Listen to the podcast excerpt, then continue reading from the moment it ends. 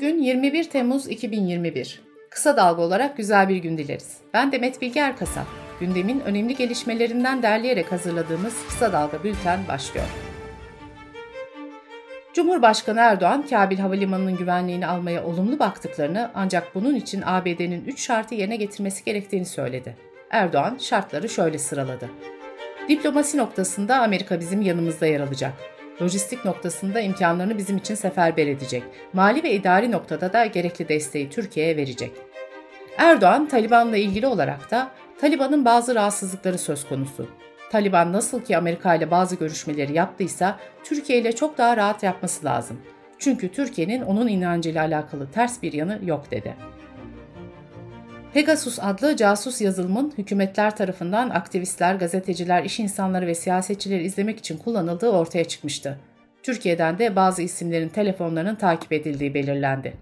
Washington Post'un haberine göre Suudi Arabistan'ın İstanbul Başkonsolosluğu'nda öldürülen gazeteci Cemal Kaşıkçı'nın nişanlısı Hatice Cengiz ve eski eşinin yanı sıra cinayet soruşturmasını yürüten eski İstanbul Cumhuriyet Başsavcısı İrfan Fidan'ın ismi de cep telefonlarına ulaşılanlar listesinde yer alıyor. Ayrıca eski AKP Genel Başkan Yardımcısı Yasin Aktay ile Türk Arap Medya Derneği Başkanı Turan Kışlakçı'nın da telefonlarının izlenmiş olabileceği kaydedildi. Fas gizli servisinin Pegasus adlı casus yazılımda Fransız gazetecileri takip ettiği yönündeki iddiaların ardından Fransa'da soruşturma başlatıldı.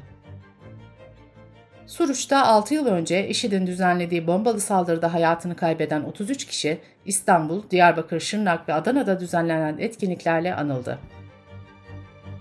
Gazeteci Erk Acerer, Berlin'deki evinin bahçesine sen bekle yazılı tehdit mesajı bırakıldığını duyurdu. Acerer, gerekli tedbirleri almayan Almanya hükümetini de eleştirdi. Acerer, Berlin'de yaşadığı evin bahçesinde 7 Temmuz'da saldırıya uğramıştı. Sağlık Bakanlığı'nın verilerine göre son 3 yılda 285.014 zehirlenerek intihar vakası bildirildi. 2020 yılında ise 80.852 kişi zehirlenerek intihar girişiminde bulundu. Bültenimize COVID-19 haberleriyle devam ediyoruz. Sağlık Bakanı Fahrettin Koca, koronavirüs vaka sayısının geçen haftaya göre %30 oranında arttığını açıkladı. Sağlık Bakanlığı Bilim Kurulu üyesi Profesör Doktor Serap Şimşek Yavuz, Haziran ayı başındaki normalleşme kararları öncesinde delta varyantının yayılacağını bildiğimiz için bu derece açılma doğru değil demiştik. Bu uyarılarımız dikkate alınmadı. Ağustos ayında yeni pike hazır olmalıyız dedi. Dünya çapında sosyal medyada salgınla ilgili yanlış bilgileri sadece 12 kişinin yaydığı bildirildi. Sayısal Nefreti Engelleme Merkezi'nin raporunda bu 12 kişinin Facebook, Twitter, YouTube, Instagram gibi sosyal medya kanallarında toplam 59 milyon takipçisi olduğu belirtildi. Merkez, sosyal medya şirketlerini bu içerikleri silmeye çağırdı. ABD'li teknoloji şirketi Apple, ofise dönüş çağrısı yaptığı çalışanları için yeni bir karar aldı. Varyant endişesi nedeniyle Eylül ayında gerçekleşmesi beklenen dönüş bir ay ertelenerek Ekim ayına bırakıldı. Sırada ekonomi haberleri var. Pandemi nedeniyle 29 Nisan-17 Mayıs arasında uygulanan 17 günlük tam kapanmada şehirler arası yolculuklarda yasaklanmıştı. Bu dönemde yap işlet devlet modeliyle inşa edilen köprü ve otoyollar da boş kalmasına rağmen geçiş garantileri işlemeye devam etmişti. CHP'li Ahmet Akın, iki köprünün güncel kura göre 17 günlük garanti tutarı neredeyse 313 milyon lira dedi. Akın, CİMER'e başvurarak kapanma dönemine ilişkin verilerin kamuoyuna açıklanmasını talep ettiğini ancak net bir yanıt alamadığını söyledi. Dünya Bankası salgının tıbbi, ekonomik ve sosyal etkileriyle mücadele için son 15 ayda 157 milyar doların üzerinde kaynak kullandığını açıkladı. Bürokraside birden fazla maaş alan isimlere bir yenisi daha eklendi. CHP milletvekili Ahmet Vehbi Bakırlıoğlu, Enerji Piyasası Denetleme Kurulu Başkanı Mustafa Yılmaz'ın THY'den de maaş aldığını söyledi. Dünyadan gelişmelerle devam ediyoruz. Dışişleri Bakanlığı Fransa Cumhurbaşkanı Macron'un Suriye Demokratik Konseyi mensuplarıyla görüşmesini kınadı.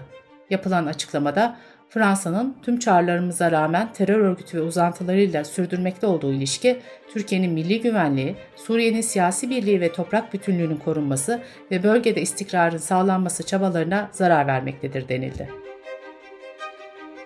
Irak'ın başkenti Bağdat'ta bir halk pazarında meydana gelen patlamada 35 kişi öldü, 47 kişi yaralandı. Saldırıyı IŞİD üstlendi. Pazartesi günü en az 430 göçmen Manş Denizi'ni geçerek İngiltere'ye ulaştı. Bu, tek bir gün içinde ülkeye gelen göçmen sayısında yeni bir rekor anlamına geliyor.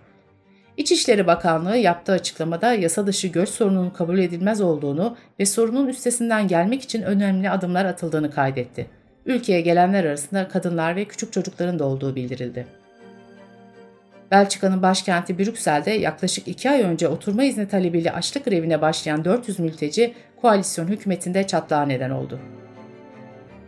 Partilerin renklerinin dört mevsimi simgelemesi nedeniyle Vivaldi Koalisyonu adı verilen hükümetteki sol partiler, açlık grevindeki mültecilerden birinin bile ölmesi durumunda koalisyonu bozacaklarını açıkladı.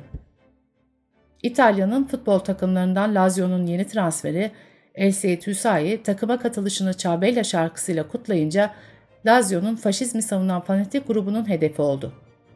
Fanatiklerin eylemleri üzerine terör da dahil organize suçlar ve özel operasyonlardan sorumlu polis birimi devreye girdi. Bültenimizi kısa dalgadan bir öneriyle bitiriyoruz. Gazeteci Dilek Gedik, AKP ve Laiklik serisinin dördüncü bölümünde seküler yaşamın dönüşümünü anlatıyor. Kısa Dalga.net adresimizden ve podcast platformlarından dinleyebilirsiniz. Gözünüz kulağınız bizde olsun. Kısa Dalga Medya.